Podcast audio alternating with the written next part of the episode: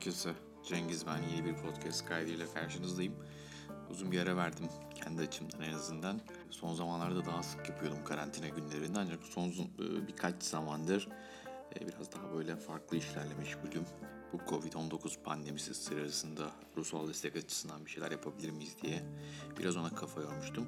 Şimdi kendi şahsi işime sevdiğim işe yönelme zamanı geldi. Birkaç gün evimdeyim. O karantina günlerinde her zaman e, hafta içi her gün gitmiyoruz. E, bazı günler triyaj görevi de verildi bize. Psikiyatristlere, fizik tedavi, dermatolojik arkadaşlarıma da bazen e, gelen hastalara hastaneye giriş yapan herhangi bir hastaya Covid yani koronavirüsle ilgili herhangi bir semptomu var mı diye çok basit sorular sorduğumuz bir görevimiz var. Onun dışındaki bölümdeki işler konsültasyon hizmetleri, telefonla poliklinik hizmetleri e, ya da servis hizmetleri onlar devam ediyor edebildiği kadarıyla. Pek çoğunuz belki bu zamanlarda bir şey okurken ya da bir şekilde bir şey takip ederken takip etmekte zorlanıyor. Dikkatini belki de veremiyor. E, bazen bu çok sevdiğimiz bir diziyi izlerken bile oluyor. Yani çok işte ne bileyim şimdi La Casa de Papel dördüncü sezonuna başlıyor bugün. Belki e, o kadar aksiyon dolu bir dizi izlerken bile dikkatimizi veremediğimiz günlerdeyiz. E, bu biraz normal. E, biraz da işte e, bilmiyorum tabii e, herkesin kendi dikkat şeyi performansı öznel belki de ama bu dönem için pek çok parametreyi farklı şekilde yorumlayabiliriz. Ama şu dikkat meselesinin üzerine bugün yoğunlaşmaya çalışacağım ve dikkat eksikliğini ve hiperaktivite bozukluğunu konuşmaya çalışacağım. Psikiyatrist olursanız ya da psikolojiyle ilgilenirseniz ya da psikolog olursanız dikkatle ilgili şikayetler çok sık duyduğunuz şeyler olur. Yani dikkatimi veremiyorum, anlamıyorum. Ya da mesela uyku, işte uyuyamıyorum. Ya da unutkanlık yani o kadar sık unutkanlık şikayeti gelir ki ben bazen şey diye düşünüyorum ya bu kesinlikle narsistik bir şey. Yani insanın narsistik tarafıyla alakalı. Çünkü insan hiçbir şey unutamaz. Her şeyi aklında tutması gereken bir canlı. Ya da her şeye dikkatini vermesi gereken bir canlı. Yani bazı şeyler normalken bile e, istediğimiz gibi olmayabilir. Yani her şey normalken bile, sağlıklıyken bile unutabiliriz. Ya da her şey yolundayken de dikkatimizi veremediğimiz anlar olur. O dikkat ve unutkanlık meselesine çok fazla bir önem atfımız var. Bunu gerçekten uzun uzun zamandır anlamış değildim ama yani şimdi artık bilmiyorum insanların kendilerinden beklentilerine dikkatini verdiklerinde ne oluyor yani işte e, korona aşısını mı buluyorlar bilmiyorum ama dikkat önemli bir e, konu onu anladım yani bu e, kısa ömrümde. Ve şimdi bu dikkat eksikliği ve hiperaktivite bozukluğunun bir tarihçesine bakalım. Tüm bu tarihsel süreçte nasıl bir e, seyir göstermiş. Buna böyle beraber bakalım. Oldukça ilginç bir hikayesi var dikkat eksikliği ve hiperaktivite bozukluğu literatürünün öyle diyeyim. Daha kolay konuşabilmek için de daha hızlı olabilmek için DHB diyeceğim. Kısaltmasıyla konuşacağım. DHB öyle bir e, halde ki yani öyle bir şey ki özellikle erişkin dönemi DHB'si böyle bir din gibi yani erişkin döneminde DHB vardır ya da yoktur yani inanırsın ya da inanmazsın. E, çok e, tartışmalı bir konu bir yandan da. E, özellikle erişkin döneminde DHB olmadığını iddia eden kişiler bunu çocukluk döneminde başlayacağını ve erişkin dönemde ortaya çıkarsa ilk defa bunun dekompansasyonla alakalı olduğunu, kişinin etrafındaki olayları yönetememesiyle beraber ortaya çıktığını söyler. Aslında bu çocukluk zamanında belirtiler göstermiştir ve biz görmemişizdir. Bu konu bir şekilde gelir ve o yüzden erişkin DHB'si olmaz diyen çok güçlü bir grup var. Çocukluk DHB'si olmaz diyenler de var. Yani hani bunu psikiyatristler bile diyor. Bazı psikiyatristler herkes için demeyeyim. Ee, ama şey var yani böyle bir literatürü var. Onu beraber konuşalım. Bu arada kaynak olarak en çok derneğin erişkinlerde dikkat eksikliği ve hiperaktivite bozukluğu tanı tedavi kılavuzu kitabını kullandım. Özellikle Bedriye Hoca'nın yazdığı kısımlar çok güzeldi. Şimdi DHB çocuk ve ergen psikiyatrisinde belki de en sık konulan tanılardan bir tanesi. Erişkin popülasyona bakarsak yani bu rakamlar çok değişiyor yüzde yani yüzde vermem gerekirse prevalans, insidans. Çünkü epidemiolojik veriler toplanırken DHB'nin hangi kriterleri, hangi tanı ölçütleriyle toplandı e, tartışmalı yani zaten tartışmalar bunlar. O yüzden e, rakamlar da açıkçası bize çok bir şey göstermez ama kabaca aklımızda %5 diye tutabiliriz. 100 erişkinin 5'inde dikkat eksikliği ve hiperaktivite bozukluğu var diyebiliriz. Bu podcast'ten önce e, önceki gün bir tane de e, böyle bir anket yapmıştım Instagram'da. DHB overdiagnoz mudur, misdiagnoz mudur? Yani fazla ve gereksiz konulan bir tanı mıdır yoksa gözden kaçan bir tanı mıdır diye bir anket koydum. Böyle yarı yarıyaydı neredeyse oranlar. İnsanlar ikisini de düşünüyorlar. Yani hem gözden kaçan bir tanı hem de fazla konulan bir tanı diye. Şu rakam çok çarpıcı. Ee, Babcock ve Ornstein 2009'daki bir çalışmasında DHB olan erişkinlerin yaklaşık %90'ının tedavisiz kaldığı çalışmalarında gösterilmiş. Çok büyük bir rakam. Yani %5'i DHB olabilir dedik. 1000 kişi olsa 50'si DHB, %90'ı tedavisiz. Yani bu 1000 kişideki popülasyonda 50 kişi hastaysa bunun 45'i tedavi olmuyor. Çok büyük bir rakam. Dedim ya bu DHB din gibi bir şey yani. Hani böyle e, geçmişten de pek çok yazar, pek çok işte bilim adamı DHB vardı dedi ama DSM 5'e kadar yani 2013'te yayınlanan DSM 5'e kadar erişkin tanı ölçütleri yer almıyordu kayıtlarda. Yani çünkü hani DHB tedavisi için verilen bu uyarıcı ilaçlar, psikostimülanlar, işte duymuşsunuz işte Ritalin, Concerta, Medikinet. Bunlar özellikle çok yoğun kullanılmaya başlandı. Ee, çocukluk çağında da çok fazla kullanılmaya başlandı ve hatta psikiyatri uzmanları tarafından uydurulan bir hastalığa ya da bir mit olarak nitelendirildiği de oldu. Böyle bazı aileler işte biz çocuklarımızı işte şöyle yaptırmayacağız, böyle yaptırmayacağız, tedavi ettirmeyeceğiz, robot yaptırmayacağız. Böyle Amerika'da özellikle böyle aileler var. Bizde de hani nasıl aşıt karşıtı aileler varsa onun gibi ona benzetebiliriz. Ama tarihçesine yani tarihçesine bakınca oldukça eski. Yani şöyle bir literatüre bakarız yani bakalım da beraber.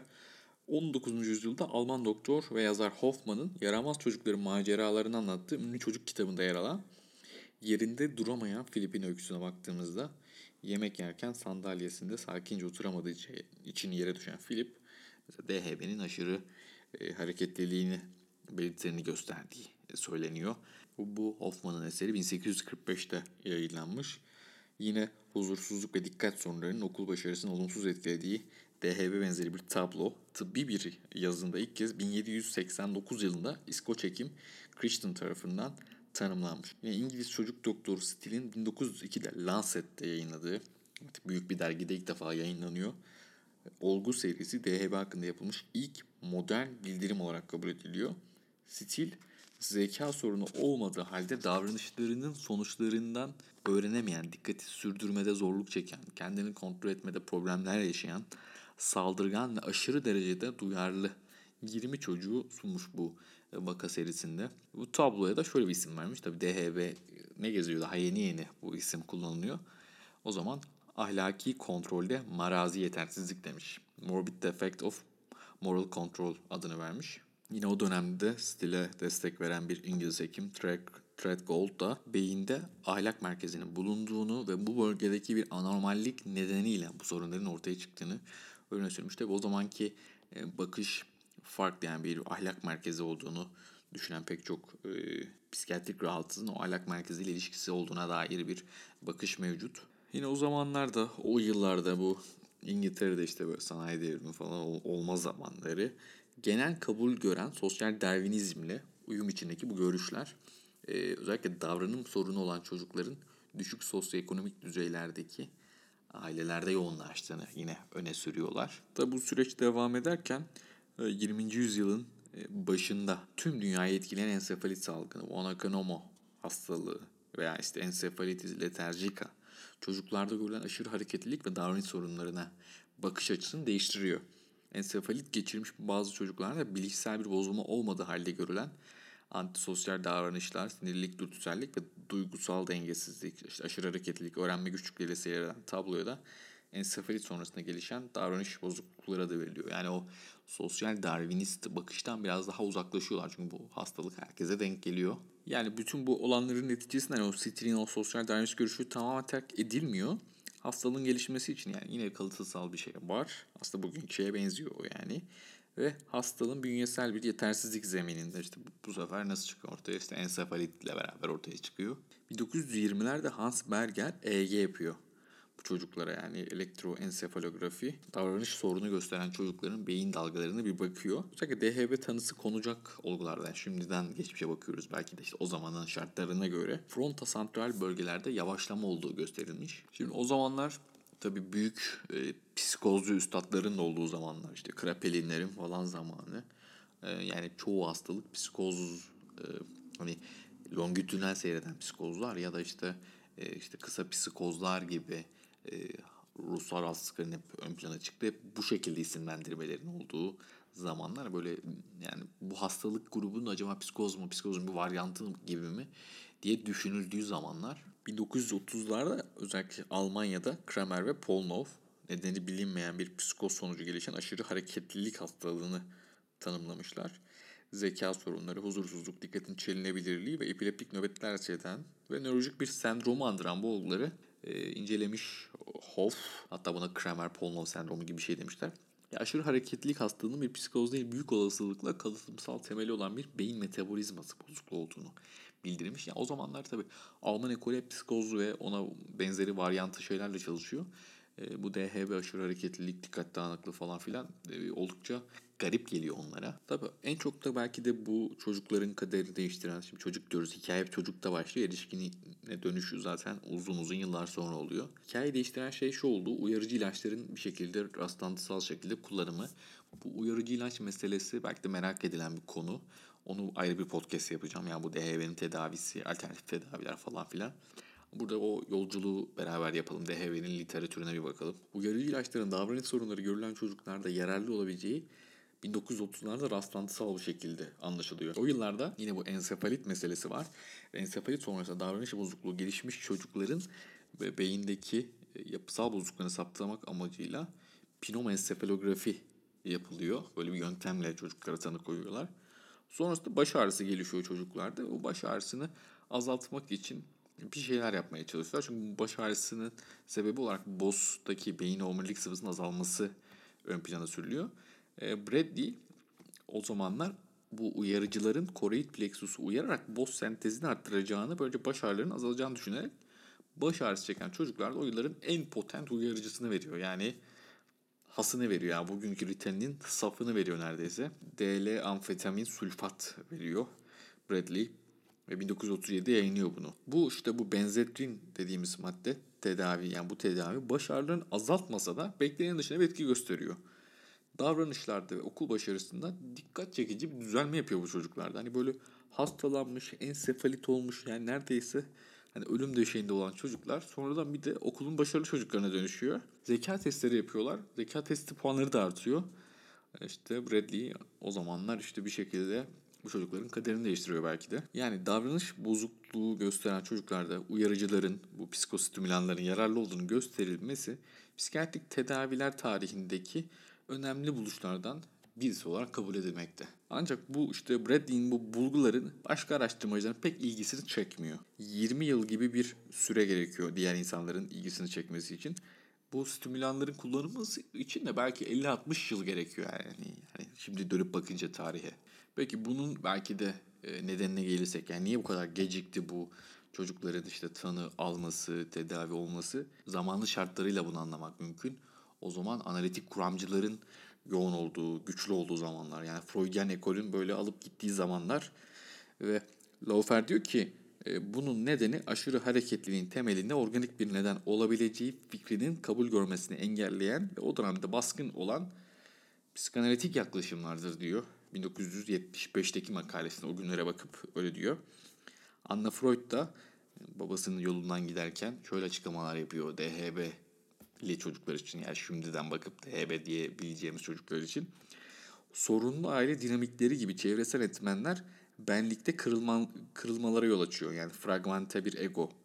Ve sonuçta gelişen bunaltı aşırı hareketlilik ile ortaya çıkıyor diye söylüyorlar. O zamanlar tabii ruhsal rahatsızlığın hepsinin böyle bir e, aşırı psikolojize edildiği, böyle bir e, organik temellerinden biraz uzaklaşıldığı, özellikle analitik kuramcıların hemen hemen her şeyi, psikozu, DHB'yi kendi kuramları çerçevesinde açıklamaya çalıştığı yıllar. Yine 1930'lu yıllarda Amerika'ya gidiyoruz bu sefer. Kahn ve Cohen konuşurken bir konudan diğerine atlayan, sakin kalmakta zorlanan, sakar ve patlayıcı davranışlar sergi, sergileyen 3 tane çocuk olgusu bildiriliyor. Bugün e, böyle bir vaka serisi yapamazsınız çünkü yani 1 milyon çocuk falan bildirmeniz lazım aynı anda yani çünkü e, yüzlerce binlerce e, çocuk bu şekilde o zamanlar ama işte yok yani az tanımlanan bir antite. Yani o tanı henüz kabul görmüş değil. O zamanki yazarlar da işte bu yine 30'lu yıllarda Amerika'daki yazarlar aşırı hareketliliği yaşamın erken dönemler, dönemlerindeki hasarlanmalar sonucu beyin sapı, onlar beyin sapına gitmişler.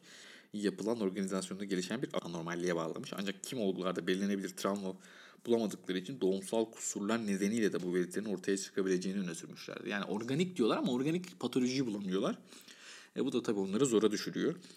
Yine aynı dönemde frontal lob ablasyonu yapılan primatların sergilediği davranışların aşırı hareketli çocukların davranışıyla benzerliği de fark edilmiş ve işte bu aşırı hareketlilik acaba frontal beyinle mi alakalı, ön beyinle mi alakalı diye araştırmacılar araştırmaya başlamışlar. Ama bugünün tanı ismine benzeyen belki de bugüne yaklaştıran isimlerden birisi e, bu Amerikalı Lofer ve arkadaşları aşırı hareketli çocuklar için hiperkinetik dürtü bozukluğu gibi bir şeyi söylüyor.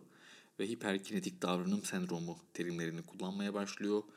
E, Lofer ve arkadaşları diensefolon yapılarındaki bozukluk nedeniyle retiküler aktive edici sistemden gelen aşırı uyarımın yeterince filtre edilememesi sonucu çocuklarda aşırı hareketlilik ortaya çıkmakta. Belirtiler büyüme ve olgunlaşmayla düzelmekte bu düzelme gerçekleşene kadar amfetaminler ve diğer ilaç tedavileri doğrudan diensefolon üzerinde etki göstererek belirtileri azaltmaktaydı gibi bir şey söylüyorlar. Bu tabi belirtilerin zaman içinde azalmaya başladığı e, şimdi de kabul edilen bir şey ama o zamandan işte bunun bir çocukluk rahatsızlığı olduğu ve erişkinlikte bunun neredeyse hiçe yakın e, bu belirtilerin kaldığı düşünülüyordu. Ya da işte erişkin dönemde çıkmadığı düşünülüyordu. İşte bütün hikaye biraz da e, Şimdi benim anlatacağım taraf erişkin de hevesi olacak. Biraz da değişiyor işte hikaye. Çocukluktan başlayan ama sadece çocuklukta sınırlı kalmayan ya da hiç çocuklukta başlamayan, erişkinde başlayan bir hikayeyi anlatıyorum size. Yine aşırı hareketli ve emosyonel olarak dengesiz olarak tanımlanan 25 çocukta 4-6 haftalık klorpromazin tedavisinin aşırı hareketliği belirgin olarak azalttığını gösterilmesi ve Ritalin ilk defa piyasaya sürülmesi. 1944'te sentezleniyor, 54'te patent alıyor.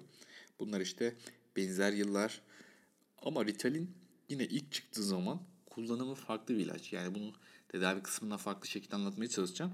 İlk çıktığında depresyon, letarji ve depresif durumlar, psikotik depresyon ve nevrozlarda kullanılıyor. Yani zaten böyle bir tanı olmadığı için dikkat eksikliği ve hiperaktivite bozukluğu gibi. Aşırı hareketli çocuklara da verdikleri ilaç largaktil yani klorpromazin. O da işte sedasyon çok fazla yapıyor diye, çok fazla uyku getiriyor diye muhtemelen çocukları uyutuyorlardı o zamanlar. 1960'ların başında Amerika'da Chess fizyolojik aşırı hareketliliği tırnak içinde söylüyorum. Ne beyin hasarını ne de o yıllarda baskın olan psikanalitik görüşünü iddia ettiği gibi sorunlu aile dinamiklerine bağlamış. Aşırı hareketlilik sonucu ortaya çıkan günümüzün DHB ölçütlerindeki benzer belirtileri tanımlamış modern DHB literatürüne katkıda bulunan adamlardan birisi. Ve artık 1960'ların son yıllarının sonunda aşırı hareketlilik kavramı yani bu işte hiperaktivite bir şekilde o yazına yerleşmekte. Ve ICD-8'de Dünya Sağlık Örgütü 1965'te çocuklarda davranım bozukluğu tanı kategorisinde artık bu şeyler yer alıyor. Ve 1967'de Dünya Sağlık Örgütü tarafından aşırı hareketlilik çocuk psikiyatrisi tanı ve sınıflandırma sistemleri için bir sendrom olarak tanımlanıyor. Yani çocuklar için tanımlanması bile 1967'yi buluyor. Ve 68'de yayınlanan Mental Bozuklukların Tanısal ve Sayımsal kitabın ikinci baskısı yani DSM-2. Burada çocukluğun hiperkinetik reaksiyonu diye ilk kez yer alıyor. Şimdi reaksiyon kelimesi önemli çünkü o psikanalitik e, kuramcıların e, çok fazla baskın olduğu dönemlerde çıkan bir DSM etkisi büyük. O yüzden hep bir reaksiyon kelimesi var. Yani e, bu meselenin böyle bir organik bir şeyle olacağına dair fikirlerin biraz daha geriye atıldığı, her şeyin böyle bir psikolojize edildiği zamanlar. O yüzden reaksiyon ismi e, önemli.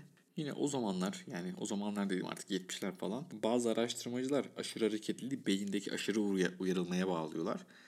Bazıları ise beynin yetersiz uyarıl yani yeter, yetersiz uyarıldığını ve bu yetersizliğin aşırı hareketlilikle telafi edildiğini öne sürüyorlar. Ama bu işte aşırı hareketliliğin artık yalnızca çocuklukta görülmemekte olduğunu ve erişkin dönemde de devam ettiğine dair bildirimler ilk kez 70'lerin başında. O da yani erişkinde görmüyorlar da bu çocukları izliyorlar 60'lardaki çocukları. 70'lerde diyorlar ki ya bu çocuklar iyileşmedi ya da bunlar devam ediyor. Hala hareketli bunlar zıpır zıpır ortalıktalar. Menkes ve arkadaşları ve Mendelssohn e, belki de işte erişkin DHB'nin o başlangıcını, literatürünün başlangıcını belki de onlar yapıyor.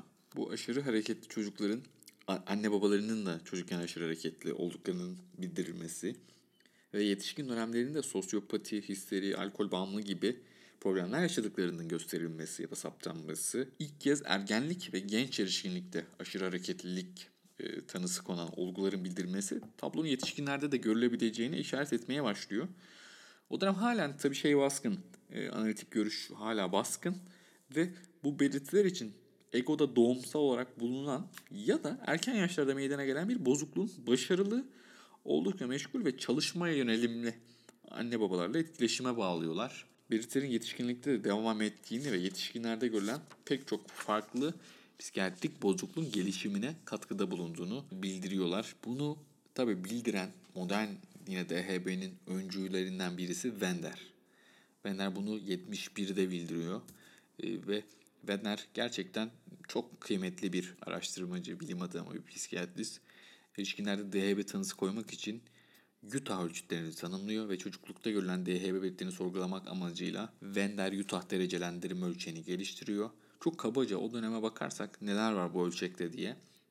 Utah ölçütlerinde 7 tane belirti kümesi var. Bir tanesi dikkatsizlik, ikincisi aşırı hareketlilik, üçüncüsü duygu durumda oynamalar, 4 sinirlilik, çabuk parlama, 5 stres toleransının azalma, 6 organize olamama ve 7 dürtüsellik. Ve Wender'in bu tanımlamalarından sonra yani 70'li yılların başındaki tanımlamalardan sonra yetişkinlere özgü DHB tanı ölçütlerinin 2013'te ilk kez yani 2013'te DSM-5'e kadar tanımlanmamış olması Wender'in çabasını yani o zamanki çabasının ne kadar önemli olduğunu gösteriyor.